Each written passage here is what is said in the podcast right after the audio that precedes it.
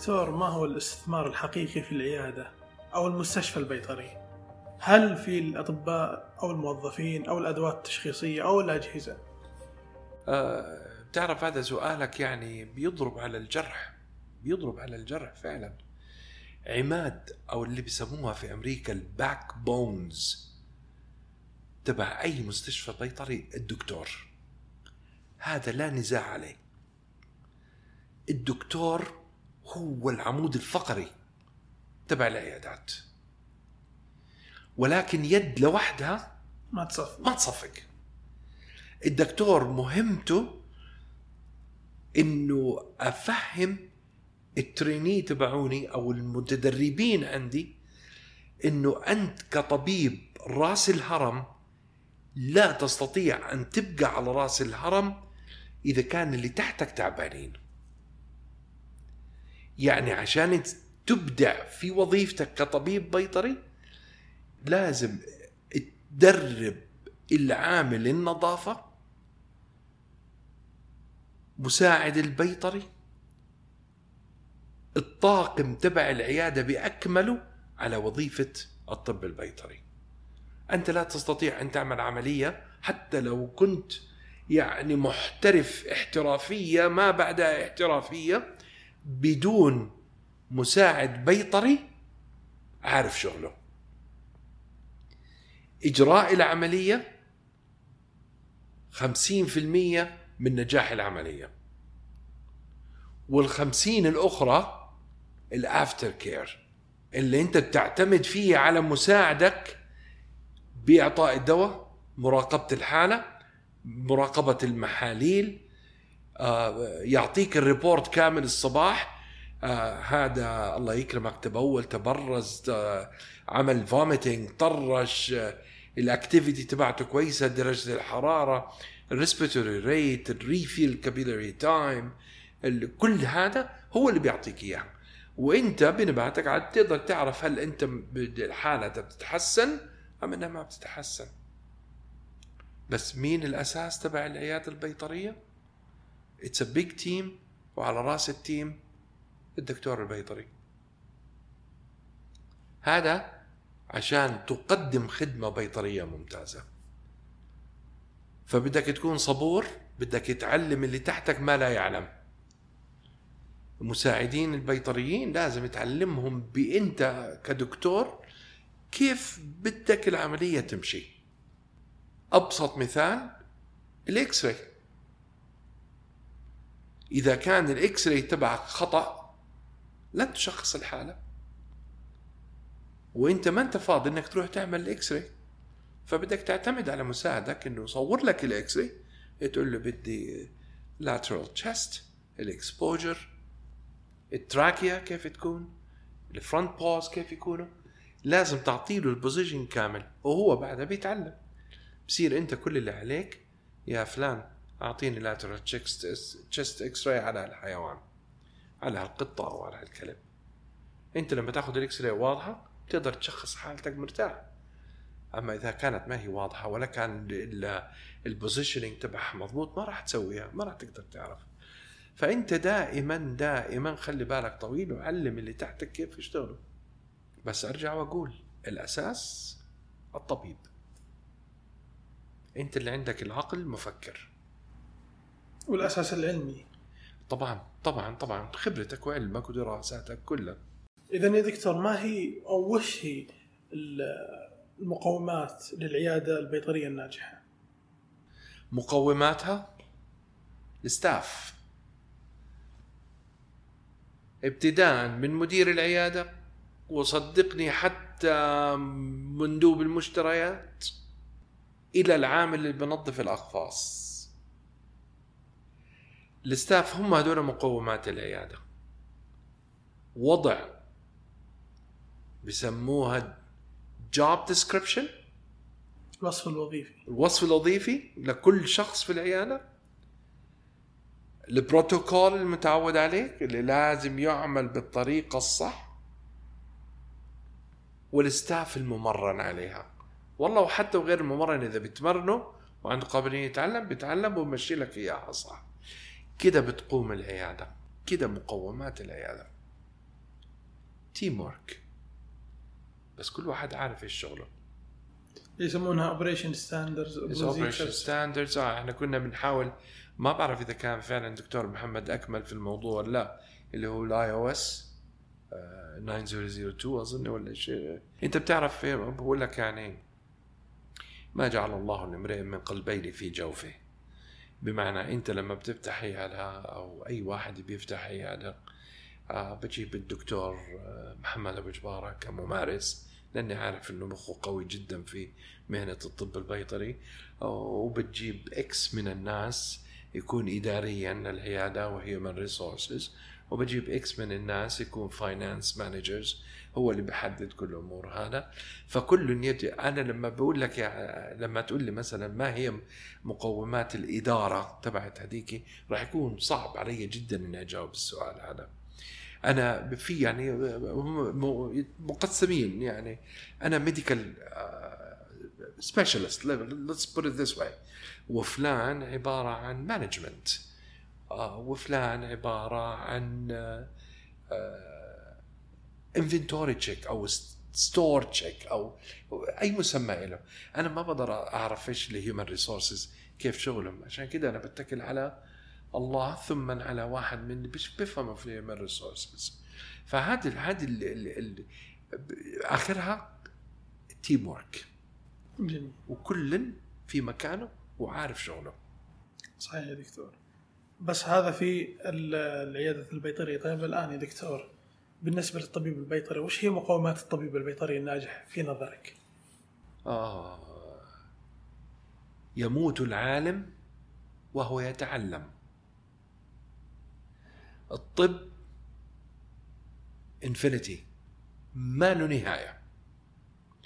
مقومات الطبيب الناجح في عمله اللي بيعمل ال CME hours بيحضر مؤتمرات بيخصص وقت معين إنه يقرأ في مواضيع الطب. في أنا يعني ممكن أجيب لك قصة صغيرة في هالموضوع. تفضل يا آه غفر الله لنا كنا أيام زمان نعمل عمليات اللي بسموها front declaw للقطط. إنك تفصل ال digit كامل. وطلعت الحكومة الأمريكية في عام ال 95 أو ال 96 منعتها نهائيا. منعتها نهائيا. وكانت فضل من الله تعرف؟ لأنه أنا استفتيت فيها بعدين من شيوخنا الله يجزاهم الخير وقال لك حرام. لأنه خلاص أنت خلعت ال defense mechanism ال hunt mechanism تبعها. ما بتقدر تدافع عن نفسها. انت ما في عندها اظافر كيف بدها تصيد العصافير؟ كيف بدها تتسلق شجر. فوقفناها. حتى عندي في الحيوانات الأليفة هذه العملية ممنوعة نهائيا. نزلنا على Western اللي حكيت لك عنها هذه اللي هي ال Western Conference اللي في شيكاغو العالم إيش صارت تعمل لما منعتها أمريكا؟ شفت التنتنز هدول اللي على إيدك اللي بتحرك فيهم اصابيعك صحيح. صار يفتح من هنا ويقطع التندن ويخلي اضفر طيب هل انت غيرت في موضوع العملية؟ ما لطفا راح ما عاد يشتغل. هذا حرام. بيجي واحد طبيب زي حالاتي انفصل مثلا فترة عن أمريكا رجع لقى شيء جديد بسبة ال conference. وجدوا إنه ممكن تعمل العملية هذه وممكن هذه حرام؟ ما استفتش فيها والله صراحة لأني أنا كلها وقفت العملية. نفس العملية في ال castration كل شيء بيطلع جديد. كل سنة عن سنة بيطلع أشياء جديدة. الآن بعمل في أمريكا اللي بسموه chemical castration بالفعل. أنا ما بقى يعني يحق لك كطبيب إنك تختار طريقتك الخاصة. أنا ما بعملها.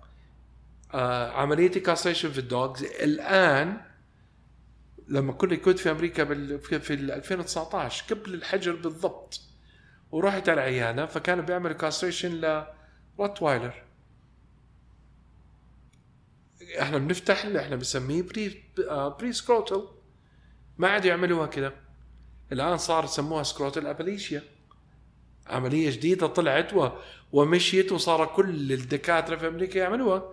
بيشيلوا كامل الس- ال scrotum مع ال testicles كاملة بحيث إنه تصير جمالية. فأنا إذا بدي أرجع أشتغل في أمريكا بدي أرجع أشتغل بالطريقة اللي أنا عاهدتها قبل 90 سنة قبل 20 سنة هذه ما راح تمشي معهم. صحيح. شفت كيف؟ فال continuation of education الاستمرارية بالتعليم القراءة آه، هو عموما إذا أي واحد حاول إنه يشتغل أو إنه يسجل في ال American Veterinary Medical Association أنت ممكن تسجلها الآن. تخرجت؟ ممكن تسجلها تسجل معاهم الآن. والرسوم تبعتها إذا ما كنت غلطان على ايامي كانت 250 دولار في السنة. بصير يجيك عندهم ال AVMA journal. على بيجي لك لهنا على بيتك. آه، ال journal هذا بيعطيك كل ما هو جديد في الطب البيطري. إيش المعاهد اللي بتوفر وات بصيروا يعطوك cases موضوع تاني للي فعلا بده يستمر آه في website اسمه VIN. ال VIN يسجل معاهم فورا. صحيح بياخذوا منه 700 دولار بالسنة ولكن موقع رائع جدا. هم it's live chat بينك وبين ال professors أنا عندي معضلة آه مش قادر أوصل لحل فيها. برفعها على ال VIN. في خلال نص ساعة بيجيك رد من specialist إذا شك في شيء بقول لك معلش اعمل لي ال test الفلاني وارسل لي النتيجة. تعمل له ال test بترسل له إياه بقول لك الحيوان هذا عنده احتمال كذا كذا كذا كذا كذا وطريقة العلاج كذا كذا كذا كذا. هذا موقع رائع جدا لأن انت بتقرأ فيه آه، يعني بتشوف آه، العجب العجاب يعني أمور زي ما قلت لك أنا يموت العالم وهو يتعلم. العلم بحر كبير Clinician's Brief اللي ارسلت لكم إياه هذا جدا رائع. it's it's website you join معاهم و وبصيروا كل بمعدل كل أظن every Monday ولا Tuesday أو مرتين في الأسبوع. بيرسلوا cases بطريقة الفحص العلاج التشخيص المش عارف إيش. بيشرح لك القضية كاملة وأنت بتقراها بتتعلم منها تتعلم منها. فهذه اللي هذه اللي الطبيب البيطري لازم يضل مواظب عليها حتى إنه ينمي ينمي ال- المعلومات اللي عنده وبغض النظر بتنعكس على الزباين لأنك بتقدم خدمة أفضل. أنت عارف كيف؟ بصير الثقة بين العميل والدكتور آه، قوية جدا قوية جدا. يعني آه، أنا مريت أول ما جيت على الرياض بأمور كانوا يقولوا لي مثلا يا دكتور أعطيها إبرة الشعر. ولا ما افهم أنا ما هي إبرة الشعر. قلت بقول لها أنا إيش إبرة الشعر؟ بتقول لي شلون دكتور؟ وما تعرف إبرة الشعر. قلت لها والله يا بنتي لو في إبرة شعر كان أنا أول واحد أخذها. بس كل شعري طاح. وأنا أقرأ. فإبرة الشعر هذه أنا ما وردت علي بدك تعرفيني واكتشفت ما هي إبرة الشعر؟ Ivomec ال Ivomec هي أصلا it's not approved for cat. قاتلة للقطط ولكن بتقتل كل ال intestinal worms وواحده من ال signs تبعت ال infestation of intestinal worms اللي بسموها ال the shedding شعرها بضل يطيح بضل يطيح. فبتروح للدكتور بتقول له يا دكتور شعرها بطيح. ديدان بيعطيها إبرة دود That's it. Continuous education, reading, كون up to date with all معلوماتك. هذه نصيحتي لكل براكتيشنر بده يقوي معلوماته ويعمل لنفسه قاعدة عملاء ممتازة. وش هي الصورة النمطية للطبيب البيطري في أمريكا والسعودية عطنا الاختلاف بينهم يعني كبير كتير لا كبير كتير. بتعرف أنا بديش أقولها للأسف لأنه آه، أول يوم دخلت فيه ال Animal Medical Center كنا 17 طالب في الدراسات العليا. آه، ويشهد علي الله فيها هذه. آه، دخل البروفيسور مايكل جارفي. ما حدش بينساه. هي رقم واحد في كل أمريكا بال feline internal medicine توفى. بس أنا يعني بقول لك إياها هذه صارت واقعية معي فقعد يسال الطلبة كلهم foreigners يمكن كان في اثنين أمريكان بس بال 16 your name يقول له فلان فلانه من آه، فرنسا فلان فلان فلان. جاء عند أخوكم العبد لله الفقير ماجد. قال له your name قلت له ماجد الحايك. where you from قلت له السعودية. فكان هو دائما يعني يجي من واحد. فأنا بقول له ماجد الحايك السعودية فوقف وطلع فيها كده. يعني أخذ بوز حوالي 15 ثانية. ويناظرني وكمل. قال المرة هذه كلها حفلة تعارف بس بنتكلم مع بعض عشان أعطيكم مبادئكم. فقعد يتكلم يتكلم يتكلم. وإيش بدنا نعمل وإيش بدنا ندرس وكيف بدنا نقسم وكيف بدنا نسوي. هذا عشان يأهلك للامتحان. المهم طيب بتشوفكم tomorrow? Tomorrow tomorrow. فهو ما فيش اسمه طبعا ماجد الحايك غريب عليه. قال لي excuse me excuse me فوقفت أنا. فبقول لي أنت من السعودية؟ قلت له نعم. لا بقول لي آه، طب بيطري لل dogs وال cats فبقول له نعم أنا بدي أكون طبيب بيطري لل dogs وال cats لا بقول لي عندك وقت قلت له I love dogs and cats إلا بقول لي من غريب إنك تلاقي واحد عربي. هذا كلامه هو الآن. من غريب إنك تلاقي واحد عربي يكون مهتم في القطط والكلاب كالمجتمع الأوروبي أو المجتمع الغربي. ففي أيام زمان ما كان في يعني اهتمام كثير لهالمواضيع. فعليا الآن اختلف الوضع 180 درجة. فقلت له ممكن ممكن.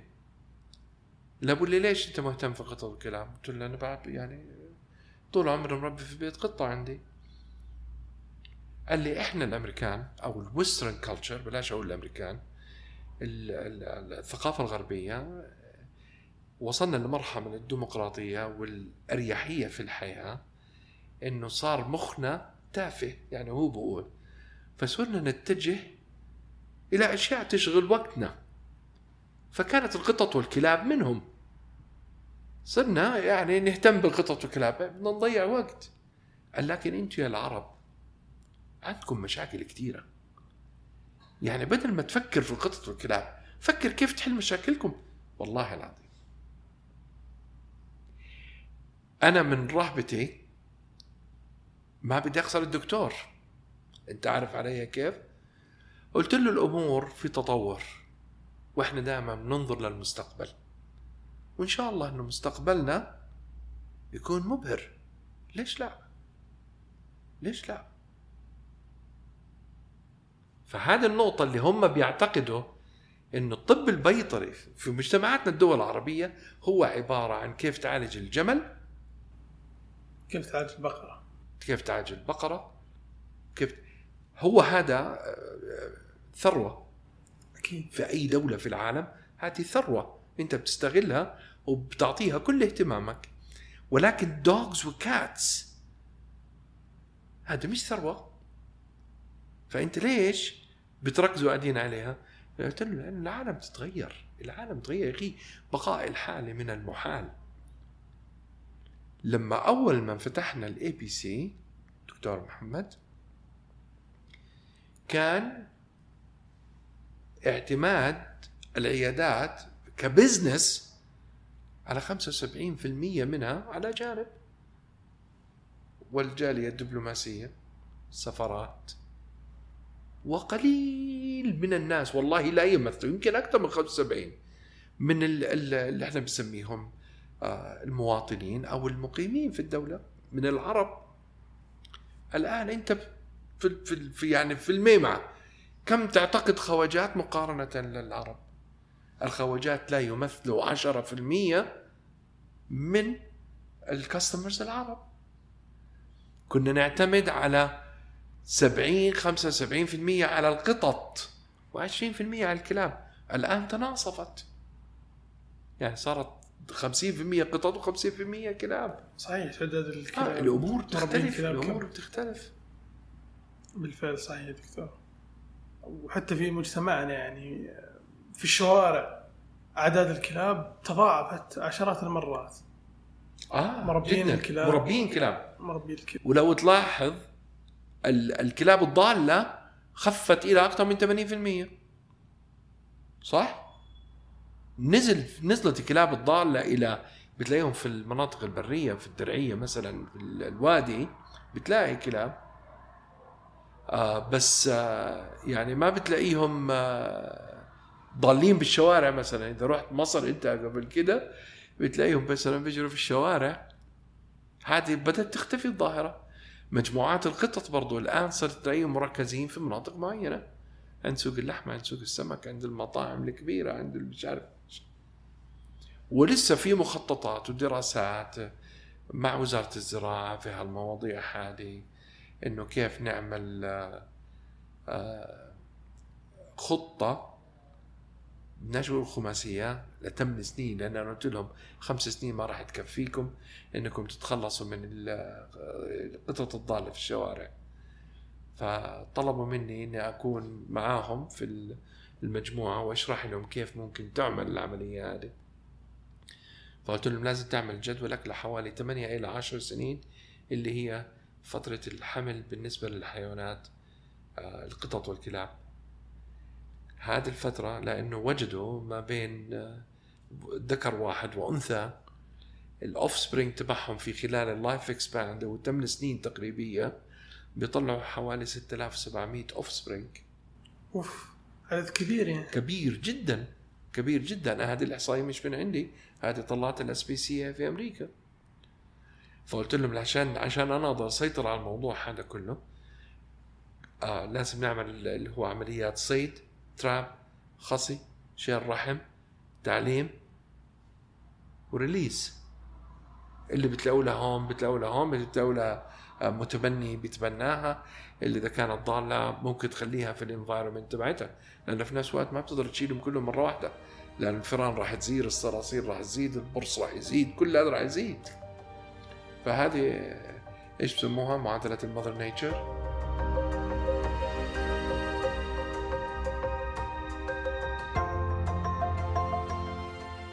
طيب دكتور وش هي أهم التحديات اللي تواجه الأطباء البيطريين في المملكة بوجهة نظرك؟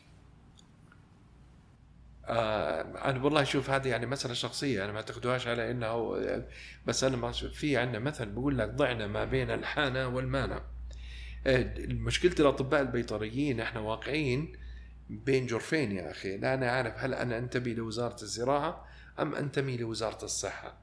هل أنا ممارس مهنة؟ يحق لي يعني ما تأخذني إحنا ممنوعين إنه نطلب آه، فاليوم الديازابام الحقن والتابلت. ممنوعين نطلب الباربيتشويت ال phenobarb وال pentobarb.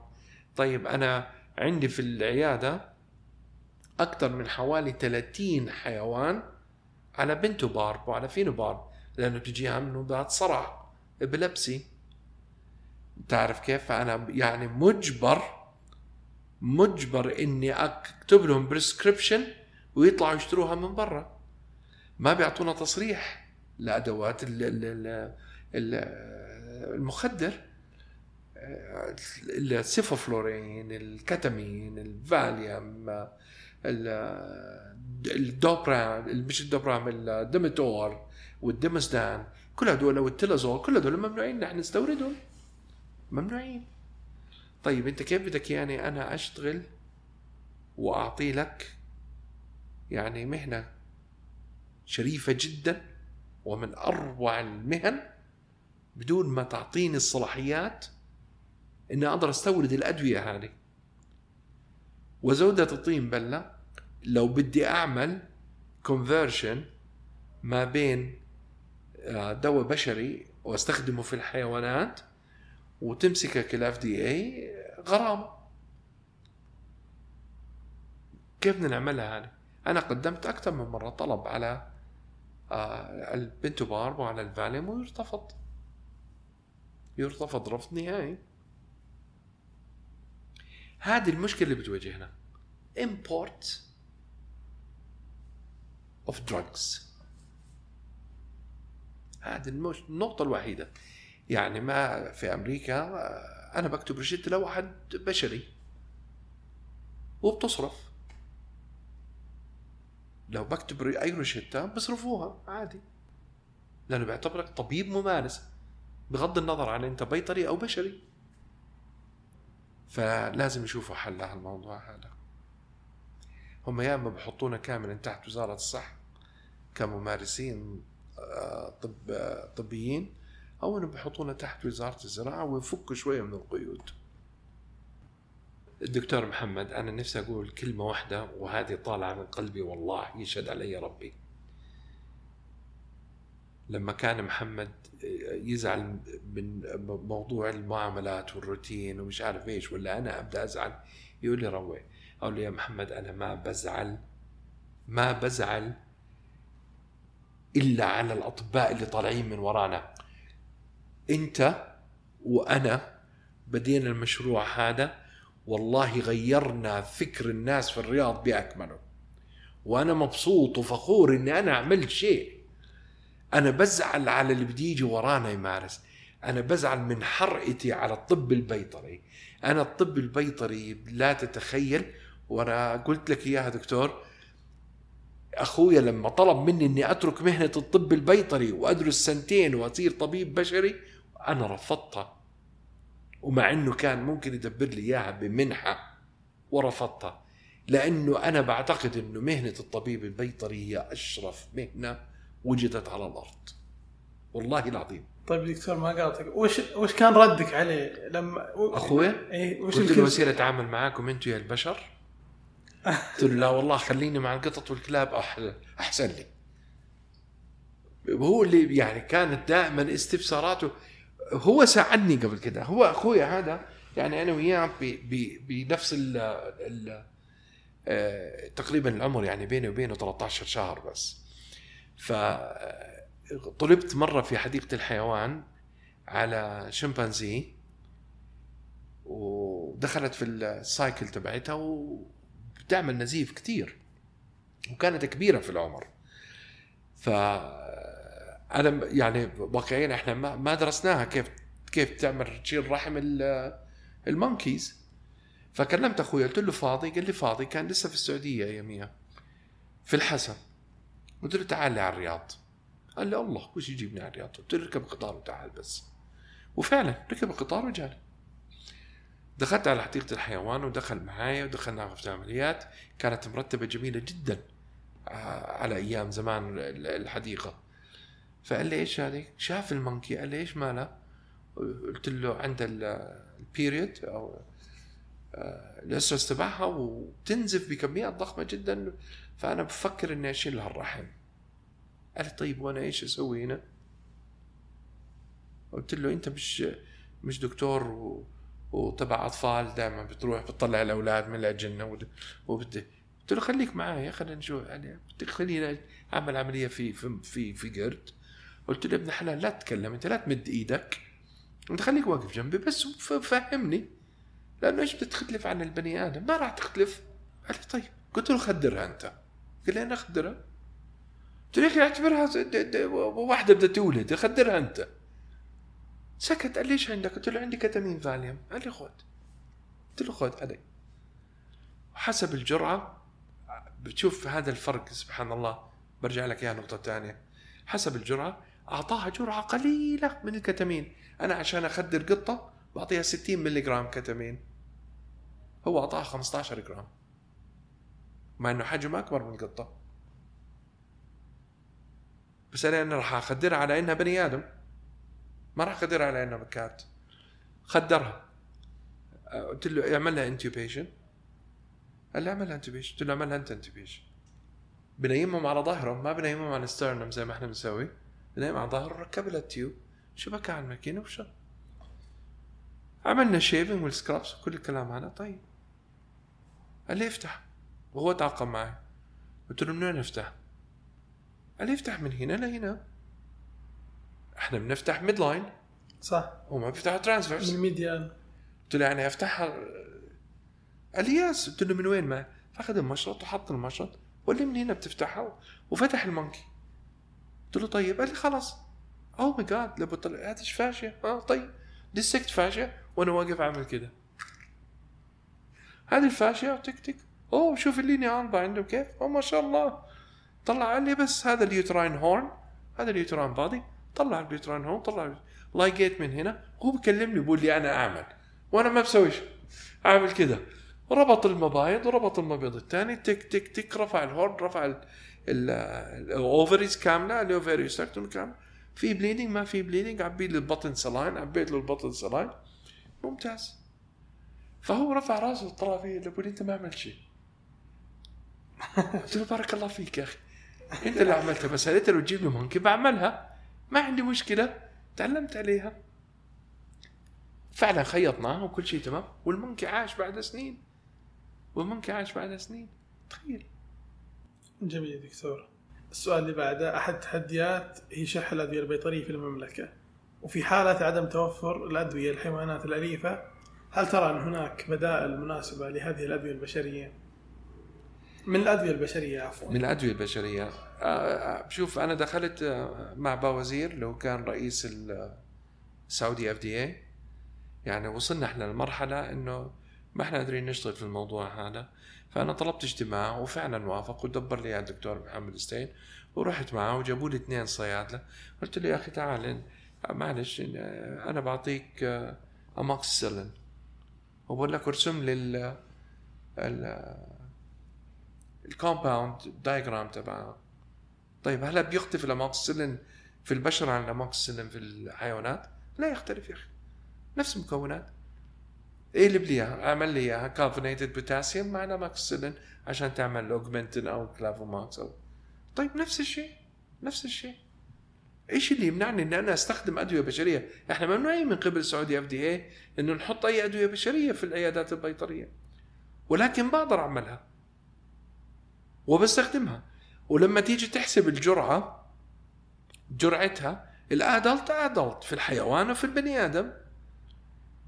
والبيدياتريك بيدياتريك في الحيوانات في البني آدم.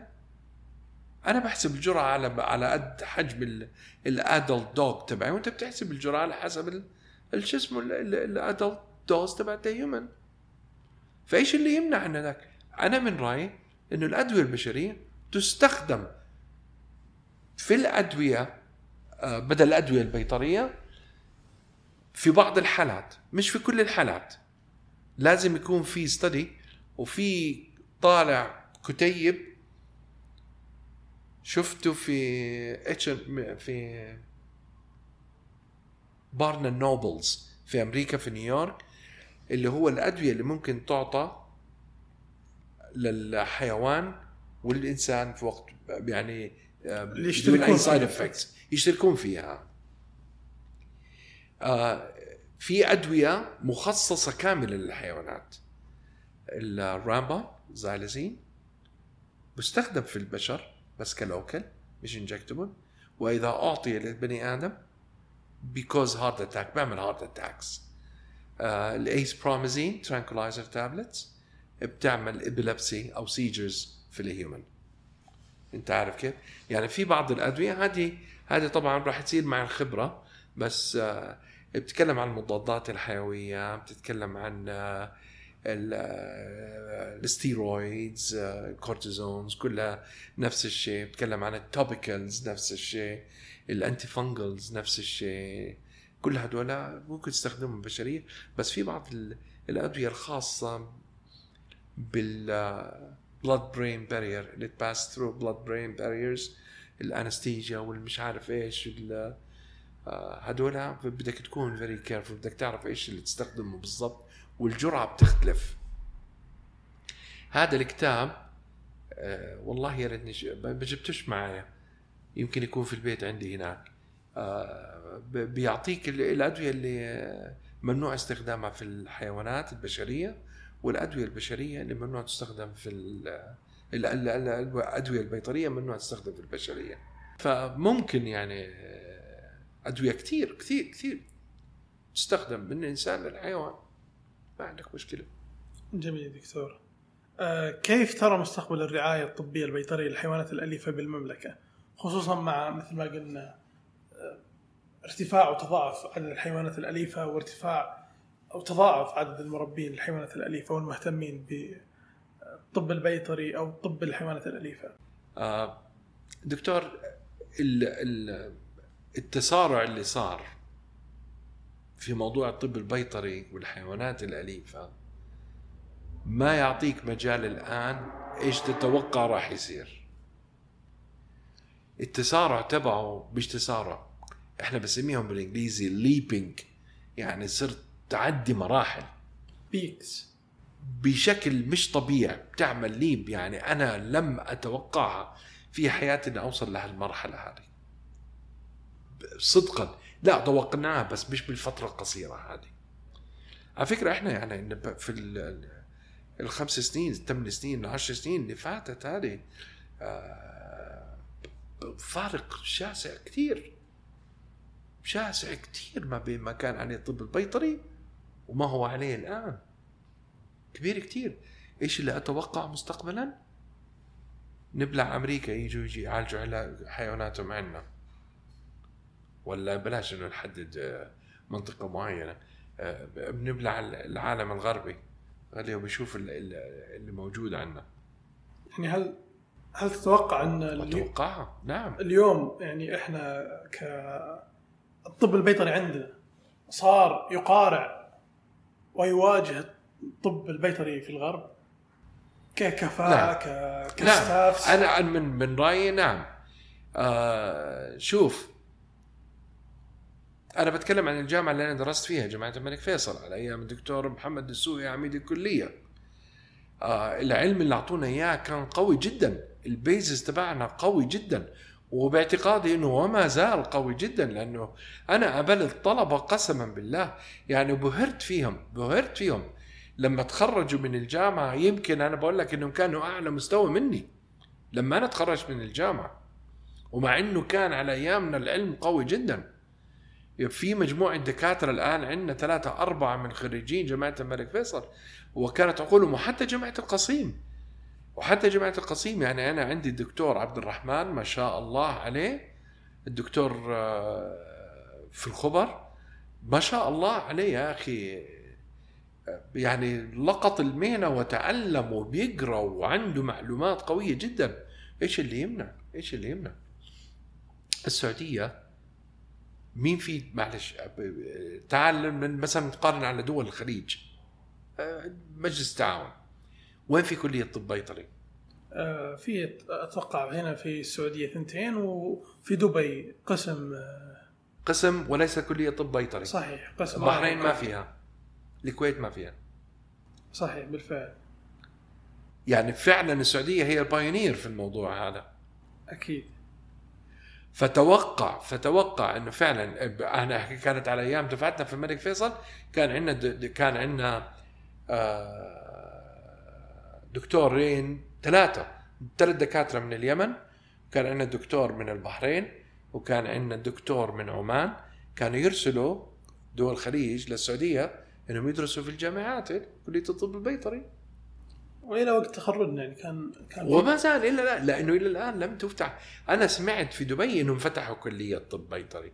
لما رحت على دبي لأنه يعني رحت على دبي أسأل عن الكلية هي عبارة عن كلية تبع كلية. صحيح بالفعل. بتعرف يعني مش كلية مستقليه اسمها College of Veterinary Medicine بجامعه القصيم جامعة القصيم المفروض الكلية تكون كلية الطب البيطري.